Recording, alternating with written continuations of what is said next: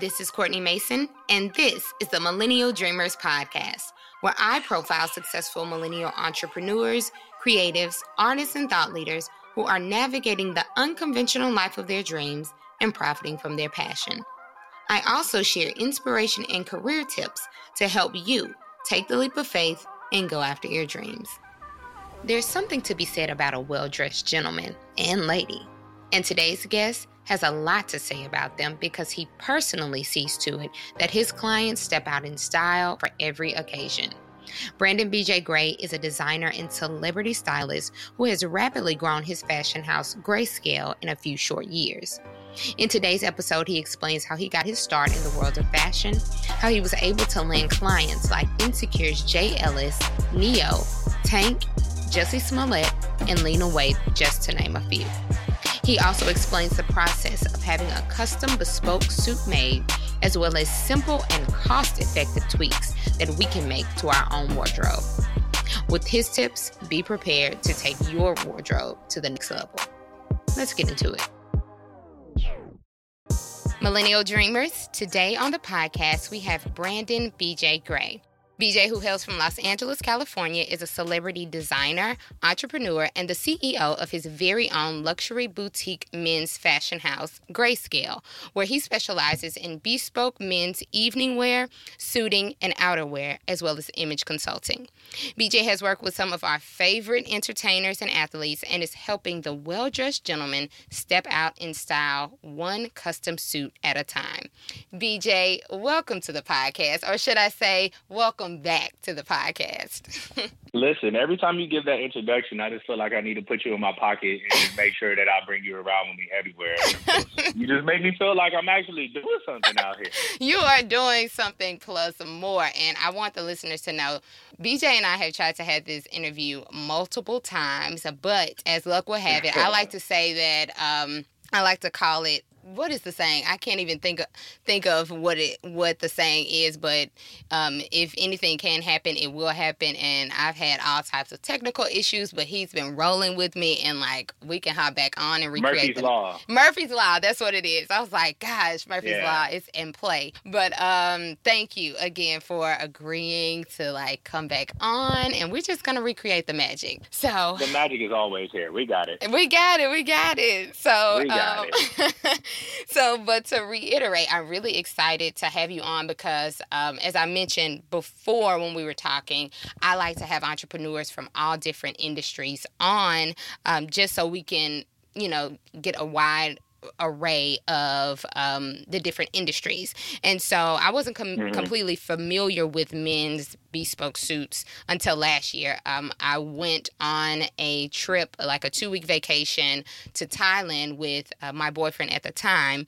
And what he, one of the main things that he wanted to do was get custom suits made in Thailand for his birthday. So we went to uh, this uh, company and they were able to create uh, two suits for him. And we saw, I, I saw basically the process of how it goes. We went there about three or four times and when we left he had two dope suits and i now i'm always noticing women and men who are have really well dressed are really well dressed and have really great fitting suits. So um, that makes me um, pretty excited to talk about you because now I have someone who can really give us the ins and outs about the process. So without further ado, for our listeners who are unfamiliar with you and the work that you do, give them a glimpse into your background.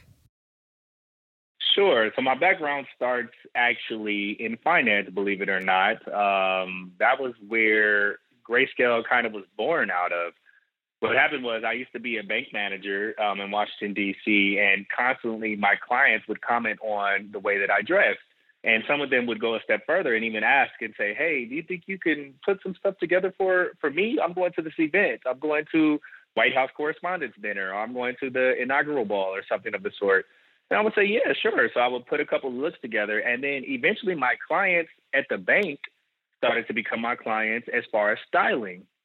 And styling was fun, but it got to a point where my clients wanted to push the limits, and I couldn't find those things that I wanted to push the limits for. So I said, you know what? I'm going to create it. So mm. my girlfriend and I went to, um, we went on vacation to Paris, And as soon as we stepped off the plane, it just felt like serendipity. I knew this was where I should be. So to give you the timeline, we we left um, like my birthday is August 31st. So we we got there. We were there for two weeks, and I came back to DC on September 14th. I put my two weeks in at my job, and then on October 4th, I moved to Paris. See, and it was just yeah. That's crazy. And and what the thing that amazes me about it is because a lot of millennials, a lot of us romanticize the idea of like taking the leap, and you know you want to have that you know intense spark of passion and like just this precise inspiration where you can walk into your job and say, "Listen, I'm putting in my two weeks notice and I'm like chunking the deuces." So I find that incredible that you actually did that and wanted to like you say like listen this is what's happening. I'm moving to paris. So what was it it was that, my passion yeah. Yeah it like, was, i was so passionate about it at that point. I mean if you came into my office to talk about anything finance it's probably some way i was able to turn it around to fashion. Um, you know it was just the conversations were always i was throwing up fashion to the point where i knew that it had to be what I wanted to do because I wanted the intersection for my purpose and my passion. I didn't necessarily want to let time to keep passing me by and I wasn't doing something that I was overly passionate about, that I was on fire about. Right. And I knew fashion was that thing. So I just had to figure out how to integrate. And I do want the listeners to know, I mean, it was very strategic for me at the same time. Although the jump was sporadic, that did not mean that my savings were not there. Gotcha. It did not mean that I did not have the necessary steps already in order to be able to do something like that. So God works in mysterious ways like that. He sets you up for seasons to be able to a season of of high harvest to maybe be able to deal with the season of low harvest because that's a season that's going to be you planting seeds. So you might not necessarily be able to yield what's coming from that immediately, but you know eventually something will come. So during that time in Paris, I, as an apprentice, I wasn't making any money. We actually bartered um, I'll tell you, when I moved there, it was hard for me to find somebody to work with me. My French was shabby, and um, it was on the day that I was searching for people that I had pretty much given up for the day. I said, "Let me go get a coffee," and I heard an English an English accent, and I got excited. I started talking to the gentleman, and he said, um, "You know, I'm right here at my parents' shop. They make clothes," and I got uber excited. I was like, "Oh, okay, somebody that makes clothes." And then I was like, "Well, what type of clothes do they make?" He was like they make nurses uniforms. And then I, my my my energy went all the way down again, and I was like, dang, I, I thought I had it. And then he followed the sentence up right with, but I make suits. And I was just like, wait, what? He was like, yeah, you know, I'm, I've been making suits for a while, and I'm actually opening up a store. So what happened was when I was an apprentice, it was on a barter system where I was able to show him all of the skills that I had gained from being a manager, from running profit and loss, and learning how to read books and things of that sort. I gave him those skills in turn to learn how to design, vector sketch, and all of those things. So it was a it was it was a perfect moment. That's like straight serendipity that that happens like that because what are the chances yeah. of you hearing someone who speaks an english accent or you know that you're like okay this person I, they may be american or they you know something like that and right. you automatically can connect with them but I just wanted to take a step back. Did you know anyone before you went to Paris when you said, I'm going to move here and I'm going to do this? Was there anyone that you could even connect with at all? Or was it just, I'm going out here with, I know that I'm able to create whatever it is that I want to create and I believe in my talent. So this is what I'm doing.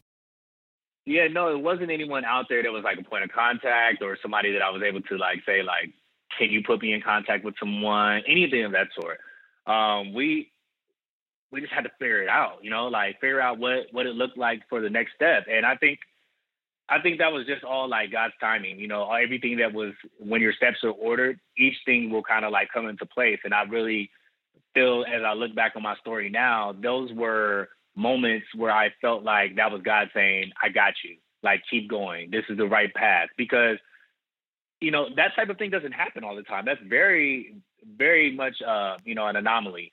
So when when I'm dealing with stuff like that, when I always feel I really take energy from like the universe, God, whoever you guys want to call a higher being for yourself, I really take those points in things happening in my life where I say, "Oh, this is a sign. This is me saying. This is somebody. This is somebody saying, keep going. This is something saying, this is where you should be." this is the moment where you should be in right now. Even mm-hmm. with us trying to record multiple times, it might have been something that we needed to say that only could have happened after the time that we were initially planned to record, you know? Right. So I don't take it as a negative thing. I take it as more so it was meant for us to be doing this recording at this time. Yes, yes. I believe the same thing. It's like you have to know that there was there's a reason behind any any like thing that happens, something good comes of it. So it's the the perspective that you have and looking at it through a different lens and not saying, "Oh, this happened to me, woe is me," but then just really taking it and making it to be a positive and seeing what's the lesson in it. So I agree with that wholeheartedly.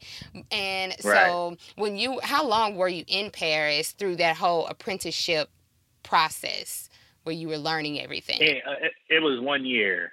Okay, okay. So a yeah. full year in Paris. Now I'm kind of jealous about that because I've only been once, and now like, i want to go back. It's so I Paris is just amazing. I can't even talk enough about it. But so you were there for a year. So what was the process like coming back and working on on your own thing once you got back to the United States? So coming back to the United States felt like um, I guess what a woman maybe would, equate to like postpartum. It was a little bit um, exactly because like just like you just said, you know, being a little bit jealous, like being out there for so long, it felt just normal. I, at that point, I started to think like, okay, well, I could have a life across the pond and and maybe come back to the states, but it wasn't really my plan. But when I decided to come back, I had put on my mind, okay, how am I going to infiltrate the fashion scene? And there were some designers and there were some um, stylists that I knew. And I simply reached out. I think humility has to be a big part of your journey. And, you know, I reached out and I went from being a manager managing multiple branches to an assistant for somebody. I reached out to multiple the um, stylists and I said, hey, man, I'm back in the States. I'm back in LA. I'm trying to figure out how I'm going to, you know, what the next step is going to be for me. But I would love to kind of like work with you and find my area in the industry. I just wanted to meet people because I knew if I was able to meet people that eventually the brand would be in people's mindset. Even if it wasn't in the forefront, it would it would be in the um, back of it. So when I started to um, meet people, it was easy. I, I didn't even um, it didn't even feel like it wasn't it didn't even feel like a, a struggle. It was seamless. I actually reached out to a frat brother of mine I'm a member of Alpha Phi Alpha Fraternity Incorporated. Hey. And um, I reached out to a frat brother and I told him, and he said, "Hey man, come work with me. Come, I'm doing this shoot. Come work with me." And I worked with him for a year and a half, and during that whole time, every person that he introduced to me to, I know this person isn't everybody's favorite person anywhere, but that's the best person I can align it with. Every person he introduced me to, I felt like Kanye. When Kanye first came into the game, mm-hmm. Kanye used to always say, "Yo, I made this beat, but I rap too. You know, because right. people didn't know Kanye as a, as a rapper when he first came. They knew him as a producer.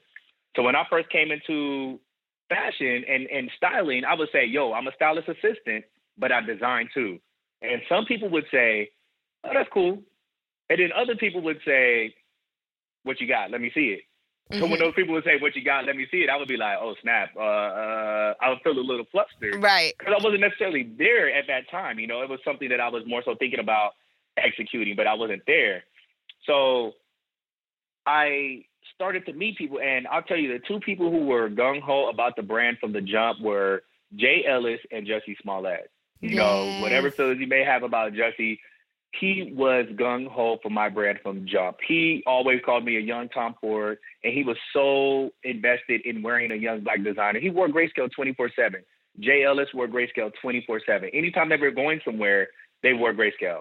And it was just a beautiful thing to see them support.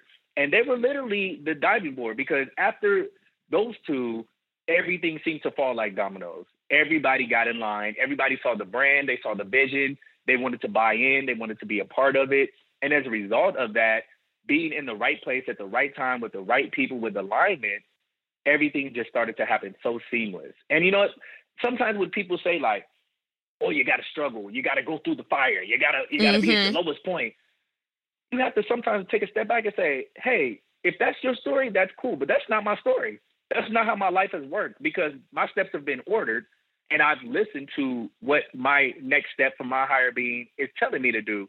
And as a result, I haven't had those struggles. I've I've had bouts of success in in large portions because it's been I really feel like it's been in alignment for me. Yes, and uh, you know one of the big things that I took from what you were saying um, first from even just getting back over here and starting to work within the entertainment industry was the humility that it takes to say, you know what, I'm going to work my way up. I will work as as an assistant and just observe and see, you know, help someone else someone else's brand and what they're doing and really understand the ins and outs. And then that puts gives you a foot in the door to meet all of these people because I was that was one of my questions to ask like how did you get connected with so many people within the entertainment industry? Because I saw Jay Ellis I saw you know that you work with Jay Ellis and even Lena Waithe like I she's absolutely mm-hmm. incredible. So just seeing that, you know, it's a domino effect. Like once you kind of have patience, um, I'm humility, humility, humility. Have, yeah, you have.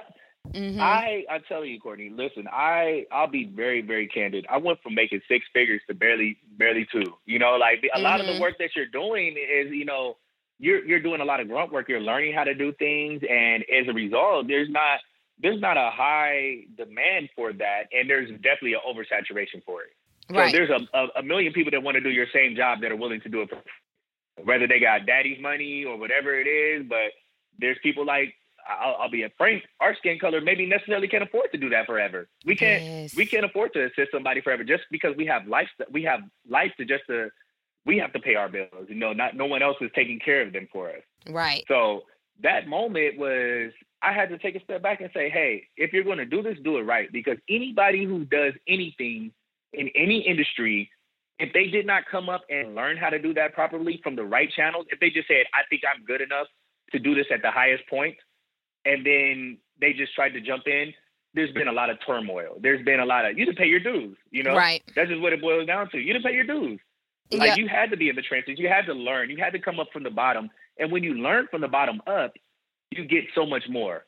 You get so much more as opposed to coming in at a high level. That was the type of manager that I was. I was always in the trenches with my employees. So when it was time for me to be in the trenches as an employee, it wasn't hard because I was already there. Yeah, and in a nutshell, you can't cheat the hustle. That's all. That's pretty much what it's saying. Hello. It's like you cannot cheat the hustle. You cannot skip the steps. There is no microwave version of the success. And I think sometimes we get into that mindset and we feel like you know you see people maybe blow up out of the blue, excuse me, and you think like, oh, they came out of nowhere, and it's like you don't know what these people have been doing to prepare themselves for this moment where you're just recognizing what they're doing and the excellence that they're able to perform it. There was some work that went into place in that. And so never think that you can cheat the hustle, never think that you can skip steps because you're only doing yourself a disservice in the end. Because then when you get to that point that you think you want to be, you won't have the skills necessary to um, mm-hmm. elevate. And so, yeah, that that makes perfect sense to me. Jay Z Jay Z said it the best. People want to emulate the outcome and not the process. Yeah. You know, like I always think about when people watch television shows or basketball wives or whatever it is, and, and you know, like for example, a girl will be like, "Oh, I want a Birkin bag. I want this. I want that." Well, yes, you see them on television with those things, but you don't know what goes on behind the scenes for them to be able to afford that. Exactly. You know, these, some people may think that a lot of things are just handed to people, but there's some people out here are spending their hard-earned dollars. So mm-hmm. I never, I never want to think about. I never want to compare myself to what someone else is doing because my blessing is not their blessing. All I can do is run my race and know what I did, and I can live my life an example. So when I show and tell my story, it's nothing about being boisterous. It's about me being able to use platforms like this to say, okay, um, we can we can use this as an example. We can use this as kind of like guidelines. Somebody has to do this because it's, it's other people are doing it. You know. Mm-hmm. Absolutely. I agree with it. I agree wholeheartedly. And you speak my language. I, I told you that before. I'm like, you really just kind of, we, we speak the same language. It's like we, we're in it to do it the right way. And so I just, I love that about all the things that you're doing and, and what you stand for. But um, to bring it back to exactly what you're doing for those uh, listeners who may be unfamiliar, like I was before last year, with uh, the process of creating a custom suit and what goes into it, what does that process look like? Um, if someone was thinking, okay, I might want to to reach out to BJ to maybe have a piece uh, created for me. What does that entire process look like? So we do a three fitting process, which um, which kind of consists of first just a meeting of the minds. I love to be like on a vibe, right? Mm-hmm. I want us to have a couple of in, in, in my in my showroom. You know, we got we got some libations in here. We got some wine in here for the ladies. Whatever it is, um, I want them always to be able to be on the same page. So I always start the consultation out just getting to know you, getting to know your personality, because that's going to come through in what you want designed, right? And how you want something to be a reflection of you. Your clothes say something about you before you open your mouth. Mm-hmm. So when I hear you open your mouth, I know what you want your clothes to say, right? Yeah. So we we, we our first consultation is we discuss the the fabrics that you want to choose, the look that you want to go for, style of jackets, lining, all the way down to a button option. How many buttons do you want on your sleeves? Do you want them to be functional? Um, and then your pants and things of that sort. So the first consultation is literally just the nuts and bolts, us getting a foundation for us to build on. The second one, you're coming back, your piece is created halfway through, and we're kind of like seeing what it looks like on you. And if we need to do any alterations or changes, by the time we get to your third fitting, you should be able to walk out of here looking like a million bucks. Nice. That so that doesn't it takes about roughly three to four, depending on how many additional fittings maybe that you have to do. But it could take exactly. Gotcha, gotcha. Um, and the timing, um, does it take weeks or? Um... Okay, so let me. I will. I will say something about dollars there. If the money is there, because we're in LA and a place where such high demands, I've I've created pieces in three days. Uh, but really? that is at a very very high cost. Usually pieces take three to four weeks to be created, um, and then over those fittings, we'll we'll have the fittings over that time frame. But um, if it's a necessity, if it's a fire, um, I do hold a fire extinguisher in the house. I love that because that makes sense. Because I'm pretty sure it's like you have these awards, um, you know, events exactly. that have to go to, and people are like, "Listen, I'll pay you to focus solely on what I need you to focus on right now." Um, exactly, and if you're willing to do so, by all means, I'm willing to accept. I'm with you on that. It's like, listen, I pay me what what is necessary, and I got you covered. Um, but you right. also do consulting as well, right? So image consulting. So tell me a little bit about how that works in the process of transforming um, say if a guy wanted to have they like i have these pieces in my closet that i've worn for ages and they just don't speak to who i am now i've evolved as a person as a man as a woman and um, I want to change that. So, what does the imaging image consulting process look like? So, image consulting is not just based on fashion. That also works with um, if you're going to be in public speaking and working with your diction or crutches, things of that sort, teaching you how to work in a in a Toastmasters type setting where mm-hmm. you're learning to articulate, learning to slow down to be able to have conversation without ums and maybes and pauses and things of that sort. So that's another portion of image consulting too that doesn't necessarily get highlighted as much. Also, the people who want to do the closet consultations when they've had transformations in their lives, what we'll do is we'll have a small uh, meeting where we where we discuss what you want to be and what you want to look like. We'll dive into your closet and say this won't work, this will work, this may be changed a little bit, can work because a lot of people think you know you have to recreate the will. We're not here to. I'm not here to make you spend thousands of dollars if we don't have to. If it still has the possibility to work, then let's let's retailer it. Let's let's alter it. Let's make it a little bit more modern. Let's make it still a, a staple piece because some people have great things in their closet. They just don't know how to use them anymore. They don't know how to implement them anymore. So it's your job to be a, bring a fresh uh, a fresh pair of eyes and a fresh perspective on what it is that they want to do. And nine times out of 10, you're simply doing that. You're opening their eyes and saying, Oh, I didn't even think about it. I didn't even think about wearing that like that.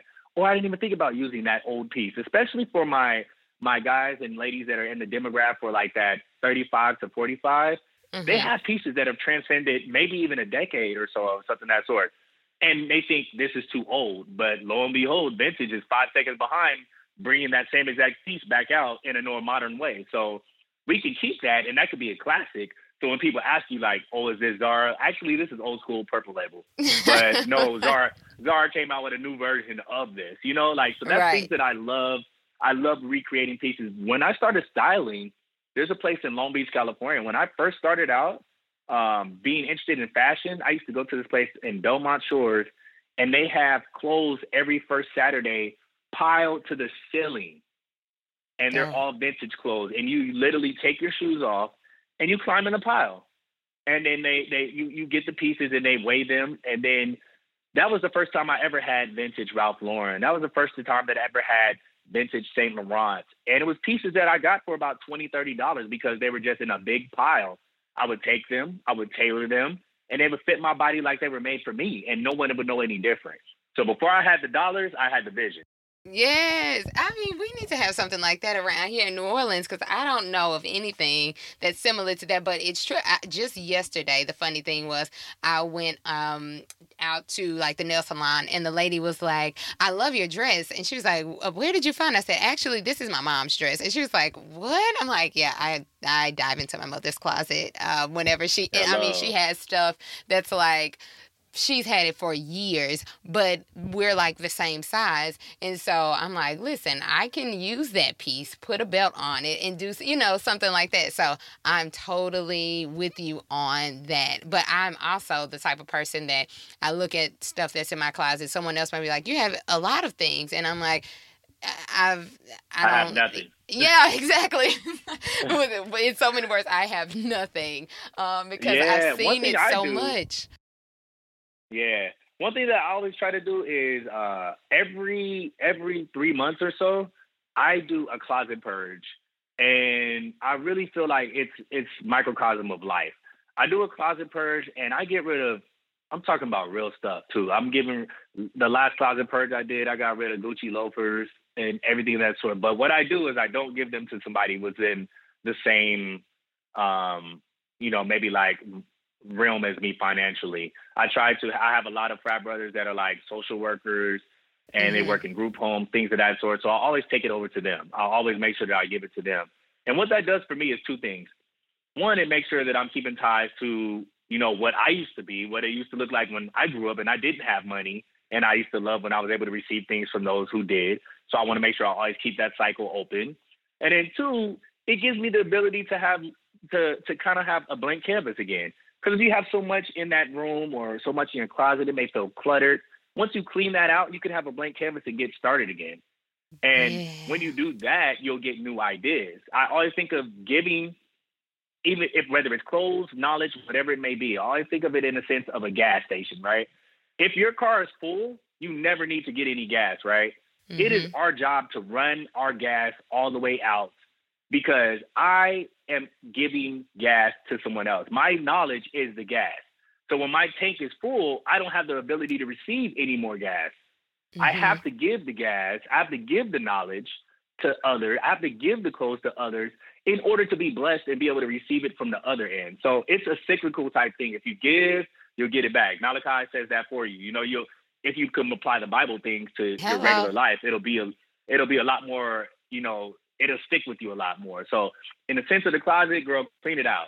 Get it out of there. Listen. Give it to somebody. and give it to somebody, and you'll be blessed as a result. You'll definitely get more pieces. You'll definitely get more things. All of that, and that's that's the microcosm of life. That's true, and I actually have a um, because you know this is a time where we're all uh, spring cleaning for the most part. People are like, "All right, out with the old, in with the new. Let's do something different because I'm tired of this." So I have started that process, but I'm like, okay, since I definitely record in my closet, I'm actually as I'm talking to you, mm-hmm. like leaning over, looking at things like, "Yep, you can get rid of, you can get rid of that, you can get rid of that." So um, I'm I'm with you on that because it's just that is the process of it. So I'm taking your word. You're you're helping me as we currently as we're talking.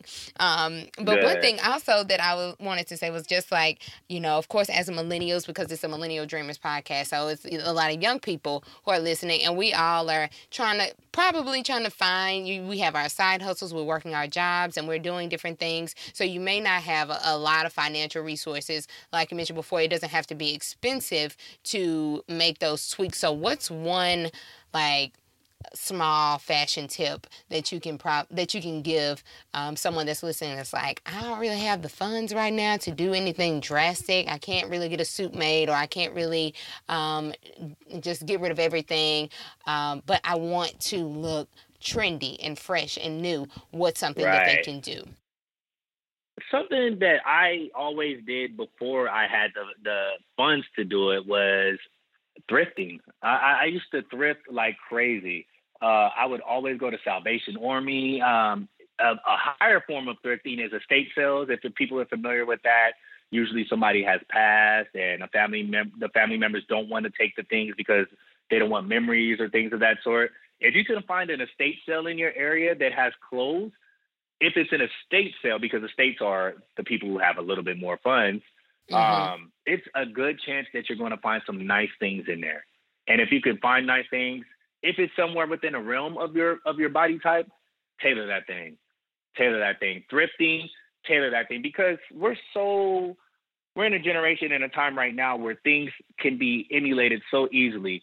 We have cookie cutter brands that can produce something within five seconds once they see it.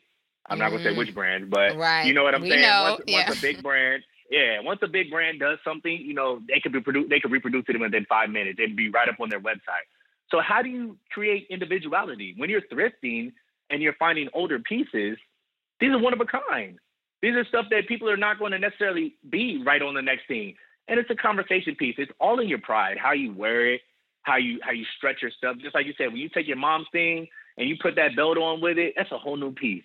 Yeah. And the way that you own that when you're walking down the street, that confidence level you have in that piece is what makes people question. I can put you in Zara or I can put you in Zegna. It doesn't matter. If you don't have the confidence for it, you're not going to strike. Yes. You know, it really it really depends on you. So I would say one, find out what it is that you really like, not what the, the media and not what your your your friends are telling you to like. Find out what you really like, and then go find the the best version of that that is not available to everybody. So it's going to take a little bit more of work, but things like I said, Salvation Army, Goodwill, estate sales, you can live and die by those things.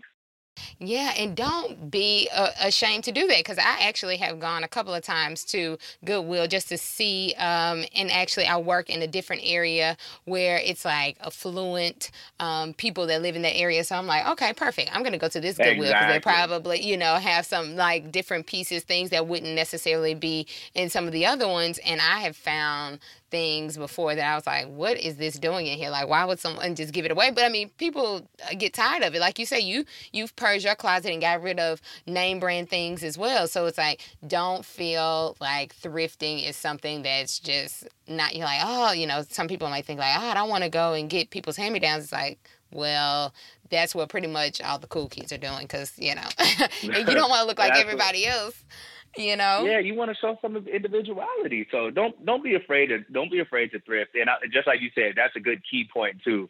Try to do it in a different area. If there's an affluent area then that means that's an affluent thrift store. Then that means that thrift store is probably mm-hmm. getting a lot higher class stuff than what the thrift store in the hood is getting right, right, right. Yeah, it's like don't be. I don't care about going in at all. I'm just like, all right, I'm pushing my little buggy, and they're probably like, "What are you doing in here with your uh, with your suit on?" Shopping I, it up. I'm yes. supermarket sweeping in this thing. I love a lot of millennials okay. might be too young to not know what supermarket sweep is, but if they if they don't, then it's a shame because we all know what we all know the classic shows. So let's just say that. Um, but so to circle back to some of like career focused questions because um, a lot of people listening are on their own entrepreneurial journey, and if anyone were specifically interested in the fashion industry and kind of breaking in to um, do something similar to you or just anything within the fashion industry, um, what would you suggest, like a, a small step that they can do right now to give them that foot in the door? I think with the fashion industry is the easiest thing that I can boil it down to because everything is going to boil this down. Is everything's going to boil down to this is be outgoing.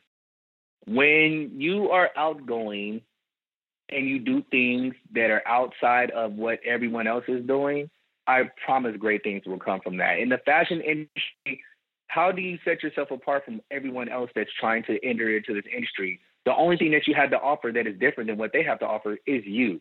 So you have to be authentically you. Let them know. Don't be afraid to tell people this is what I want to do. You know, manifest that thing. You know, speak it into existence. If people are saying, I want to break into the fashion industry, break it down on like a five step scale for yourself.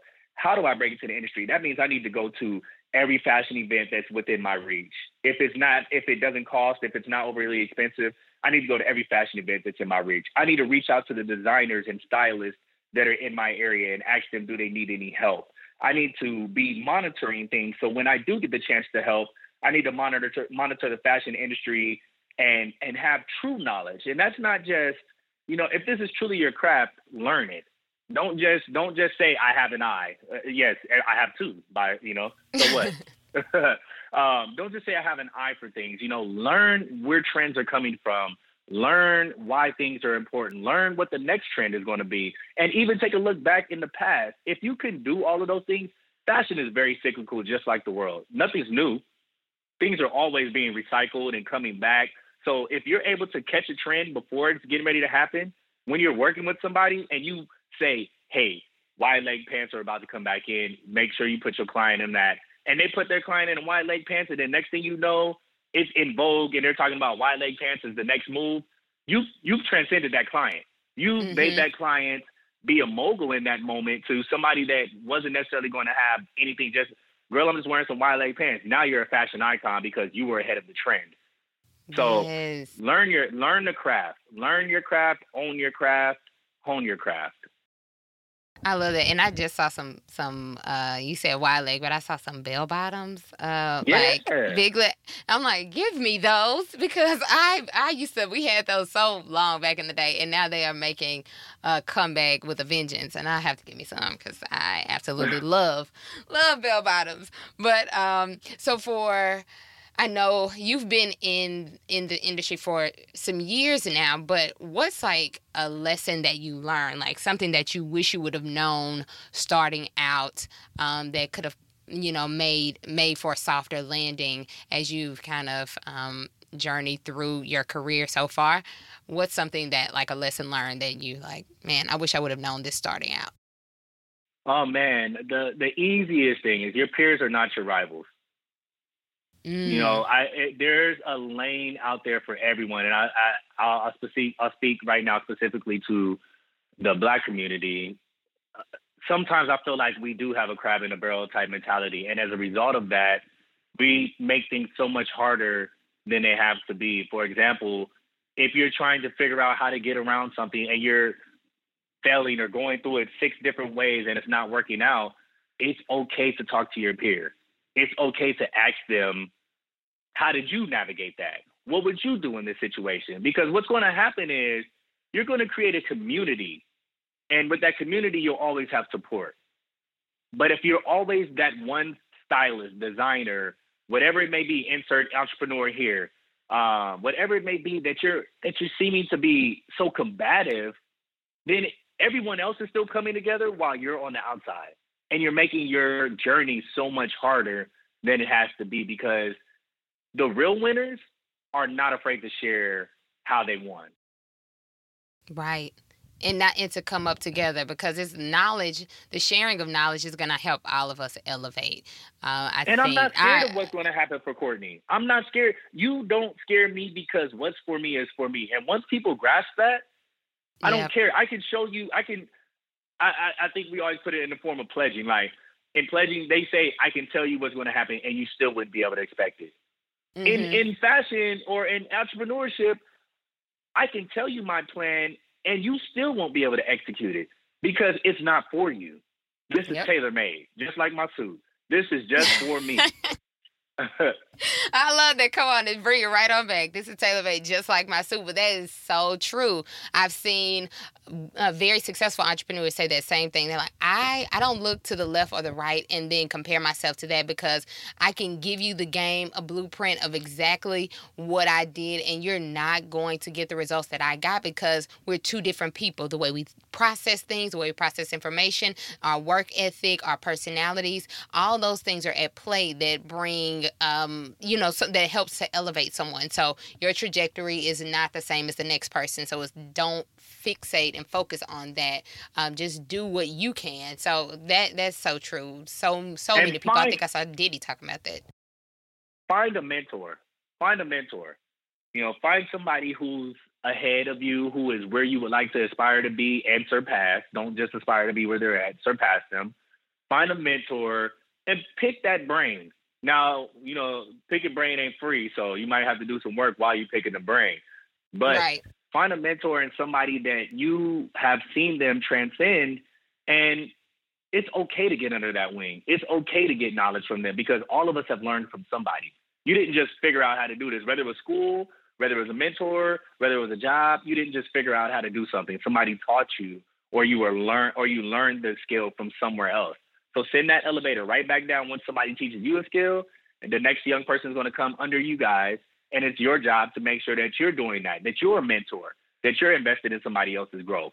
Because while somebody else is growing, you're growing as a result of being able to sow seed into them. Yes, and I'm glad you said that it, picking brains is not free. I think we have to look at it in a way of how can I add value to this person that I want to ultimately receive something from, but like make their life easy. Like if you come not just asking for something, but saying, "Listen, these are the strengths that I have, and I want to give this to you," you know, because I I respect what you're doing and I aspire to do something similar. Let me help you in this way, and in turn, you can be in those rooms with them and you can help them and understand and have the you know while you're working alongside them and having coffee or whatever you're doing exactly. um, for them then you're you're able to get that information. So i'm glad you said that. That came to my mind because sometimes we're just always like you know you reach out and you're like can i pick your brain? And it's like oh i'll be honest that is that is not it for me. That is not it for me. The game the game is not free but it does not cost money. Like i really right. want people to understand that. The game is not free but it does not cost money. It does. I don't. I don't. I don't need you to pay me for my time or anything of that sort. But I want you to also understand the value of my time as an entrepreneur. When I'm giving you minutes, when I'm giving you time, when I'm giving you nuggets, I'm taking away from what I could be doing to further my business, and I don't mind doing mm-hmm. that. But all I ask is that either you're you're giving that knowledge to somebody else, you're putting that knowledge into play, or you're adding value while you're getting that knowledge. Because some of the best moments that I've had have been with people that I've worked with. It was yep. while working, they were dropping gems on me, and I was picking it up. Or while while I was doing something, and I and I saw them do something, and I asked them about it at a later point, and and we we went through it, and we we did a simulation or something of that sort.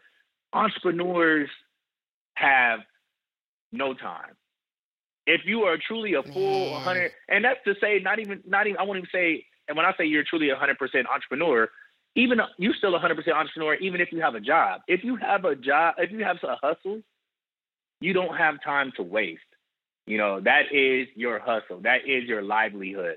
So the same way you would want somebody to respect your time at work because you have an output because you have money that comes from work this is my work. So respect that too.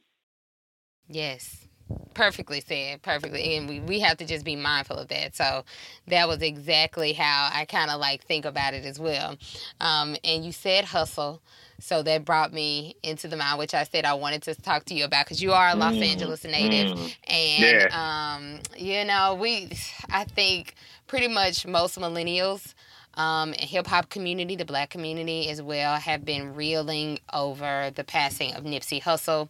Um, and me personally, I did a completely different podcast episode about it, um, about him, and just kind of like dedicated to him. But for me, I wasn't familiar with him being, you know, in Louisiana. I just, uh, and I'm not a rap. I don't like listen to rap consistently. I have my artists that I like, but I'm more of an R&B girl. So I wasn't really that familiar with him, but since his passing, it's like I've been listening to his music nonstop. But I have been binging on his interviews and things that um, that he's talked about and it just coincides with this particular platform especially because he was all about ownership and you know inspiring and giving back and um, going after it and grinding and mm-hmm. what's the mm-hmm. blueprint dedication hard work plus patience it's like all of that and i just wanted to ask you specifically like how has that impacted you um, and going forward, like what have you taken from? Because I feel like we have to take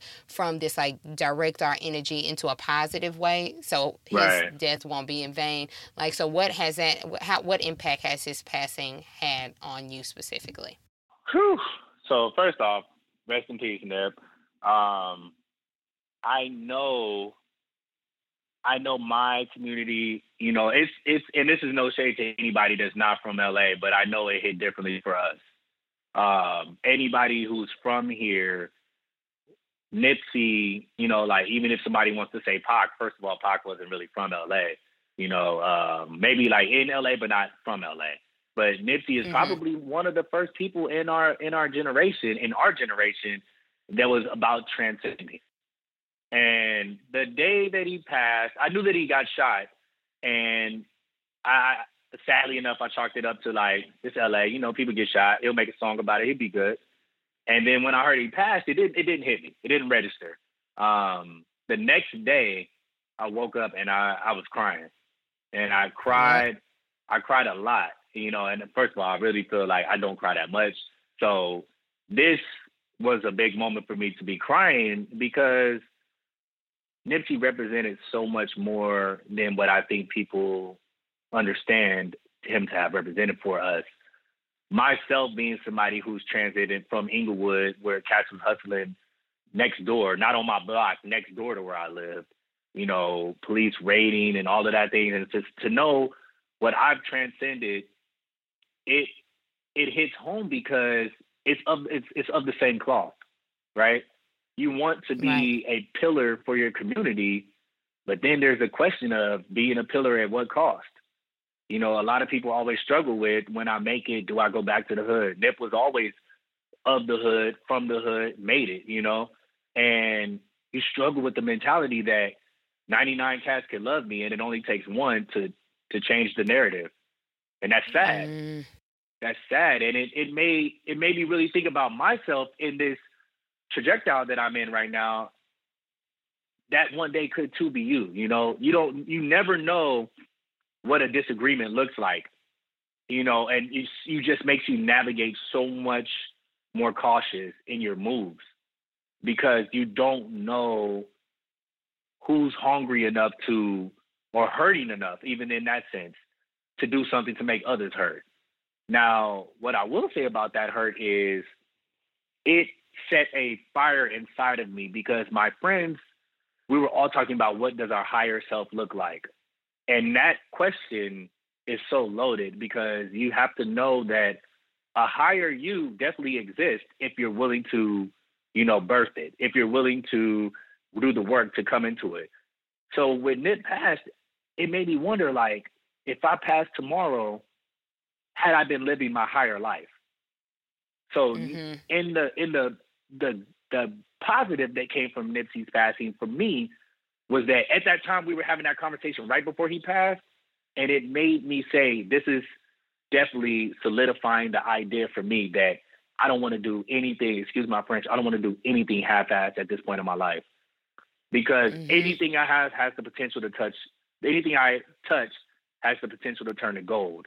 Now, whether that's bronze or silver is really dependent on me but it has the potential to turn to gold. So Nipsey's passing really made me say, like, every day, go get it. Go get it every day because tomorrow might not be another day. Like the yeah. excellence that I believe of in grayscale, the excellence that I believe of in my brand in general, public speaking, grayscale, my podcast, anything of that sort that I am involved in, it's gotta be to the greatest of my ability, to the best of my ability. Because if not, the nip was in vain. And you know, yeah. a lot of people, you know, they're not. You kind of think that they're that they're here to change, impact, and things of that sort. And sadly, people do so much more in depth than they do in life. Nipsey was great in life, but he transcended his his reach. Just like you said, you weren't familiar with him. He transcended his reach and and took that to ten times the level with his passing because he put that story on front. Yes you know, he put that that whole mindset in the front, and it really put a generation on hold. Just like Pac in '90s put a generation on on notice. Nipsey, I really feel like is putting a generation on notice that excellence has to be the standard at all times because you never know what's going to happen. So I can't leave my legacy with anything other than my best. Yes. And it brings me back to a conversation that we, well, a topic that we discussed when we previously talked, and you mentioned that uh, you, as well as some of your friends, were were saying like, what would happen if we just, you know, for ninety days we grinded it out and we were like just gonna make our, you know, make excellence the standard. Like, what would that look like if we did not half-ass things? If we, in terms of our health, in terms of our, um, you know, things that we're everything, what you're learning, what you're studying, your, you know, spiritual beliefs and being better mentally, and even your your hustles and your passions and whatever projects you're working on, what would that look like if you started to do that? And it's you're making a habit of that. And I think um, even when we talked then, I told you I was like, now you got me excited. I'm ready to like just go and start Listen. like really pounding the pavement. And that's your and, job. You know, and this is just a yeah, yeah. Your job. We have a responsibility to do that. Listen, once I light my flame, it's my job for me to light your flame, you know, and then once we have this millennial podcast, we're lighting other flames. You know, because the easiest thing that you can put it in into perspective for is the gym, right? Is the gym a formality for you, or are you going to the gym to transform yourself, to transform your body? You know, and what you're going to realize is that, am I going my hardest? Am I doing everything that I can? Because while I'm in the gym, if I'm here, I need to be giving my all. Otherwise, why am I wasting my time being here just to say that I was here? Nah, I'm going to go hard. And the thing that you guys are going to recognize about that 90 days, if you choose to embark upon that 90 days journey, is it's a wave. You can't be excellent in one area. It makes every area of your of your life rise. So I can't be going hard in the gym and then come home and be like, for sure, let me get this Carl's Jr. famous star. You know, like it doesn't work like that because mm-hmm. that's counterproductive. My excellence has to now transcend. I get to the point where I am eating right. My my and then I'm realizing, okay, if I'm eating healthy, then my mind needs to be healthy. So am I feeding my mind? Am I am I am I stimulating it with articles, books, and things of that sort that's going to make me get to the next level? Okay, so then my health, my mind, my spirituality, am I in alignment with whatever I believe is a higher being? Am I have I spoken with the higher being? Have I have I have I prayed? Have I have I made sure that that I am in the path that is not my want, but their want, because what you're going to realize is that in spirituality, it's not about you, it's about what you're here for. So sometimes you may think that mm-hmm. what you want to do and what you're put on this earth to do may be two different things. So you have to recognize that. Yep. So everything rises. And with that, man, myself, my girl, we've all just taken my, my friends, we've all just taken to it and said, like, listen, everything's gotta be better. There's no room for mediocrity in this room. So if you're here, I'm lighting your fire because, and then I'm lighting you. You won't even want to be mediocre around me because what's going to happen is you're going to feel inferior. You're going to say, "Yo, how's everybody going hard and I'm the only one not going hard?" Exactly, exactly. Making your those around you because we're the sum of the five people that we spend the most time with. And so what's your average? somebody like? is around you, Exactly, exactly. It's like you can't be around someone who is going after it, grinding at full force, and you're just saying like, oh, "I'm okay with like the status quo." Not at all. Right. Like, you're going to feel like you're, you know, like you said, inferior if you're not doing that. So I think we have an obligation to to lift those around us and to make sure that his passing wasn't in vain at all because it sparked such a fire in so many people. I've heard that countless times, and I've been like, usually I listen to like gospel music or you know something like kind of lighthearted in the morning just because I like I used to listen to Sade or something for in the morning, but lately I've been listening to dedication every morning when I wake up for whatever reason. It just kind of like gets me motivated because I'm thinking to myself, man, yeah, yeah, yeah, yeah. It's some it gives someone that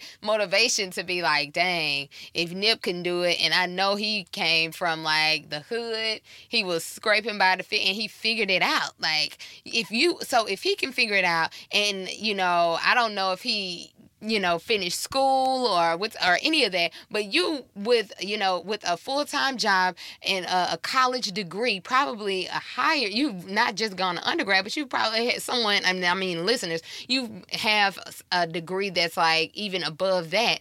What makes you think that you can't do that? Mm-hmm. if someone else it takes that grit it takes that hustle. So we i just feel like we have to rise above now. It's like it it can't be in vain. Like at this point, we have to take it and channel all those feelings into something greater. And then his his passing would have been um, monumental. I think, um, just like his mom says, like don't don't wallow in it. Like take it and and you know be okay and so that's what i'm that's kind of how i'm but i had to i had to ask you because i i know it i know it hits different for people who are from la mm-hmm. or living in la um, because if if the rest of us are just really struggling and think about it every single day i'm like how am i i wake up every day and at some point i think about this person and the impact? Like it's that's crazy to me. So yeah i needed to get your opinion on that. But the very last question, which we've made it to the last question of the podcast. Hello hey, to hey, us. Hey, come on. um,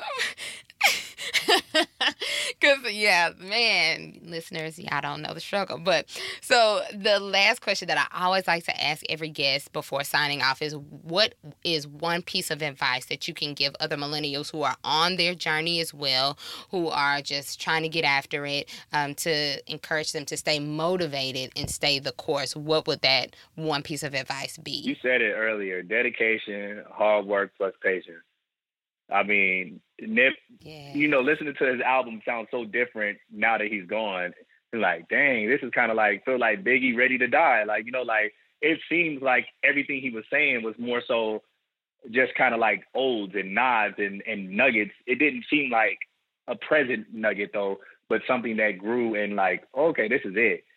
You have to be dedicated to your passion and your and whatever that is, and you have to know that the hard work is going to be there. But the patience, when the intersection of preparation and opportunity meet, you have to be ready. So make sure that you're yeah. make sure that you're doing the work. Do the legwork. Don't don't just see the outcome, see the process and enjoy that process. That's the thing. Enjoy right. the process. Don't necessarily be so caught up in the outcome. Enjoy the process because this is what you're going to look like you're going to look back on and say, this is what makes it that much better. When I tell my story and people are like, oh, that's so dope, I don't really look back on that and say, oh, wait a minute, this was pretty cool. But I didn't get a chance to enjoy that process because I was so focused on the next step that I didn't get to live in the moment. So enjoy the process, yes. enjoy the beautiful struggle, and know that on the other outside, on the other side of that, greatness awaits you. Yes. To as uh, uh, an ending to that is it's a marathon and the marathon must continue. TMC. TMC. Yes, absolutely. So, where can our listeners? I know so many people are going to be like, where can I find him? Where can I follow him? Um, so I can follow Grayscale, so I can know everything that he's doing, whatever comes out of speaking, of new ventures. Where can our listeners follow you on all things social? All things social. You can find me on Grayscale IC. The IC stands for Image Consulting. Um, like I mentioned, my podcast that I'll have coming out that'll be dropping very soon. It's called Read Between the Gray. You'll be able to find that on all social platforms. And um, yeah, you know, hit me up if you guys have any questions. I'm always an open book, direct messages, text messages. My number on my website is my number. I'm not a hidden guy. I don't have Google Voice, anything of that. I'm just me.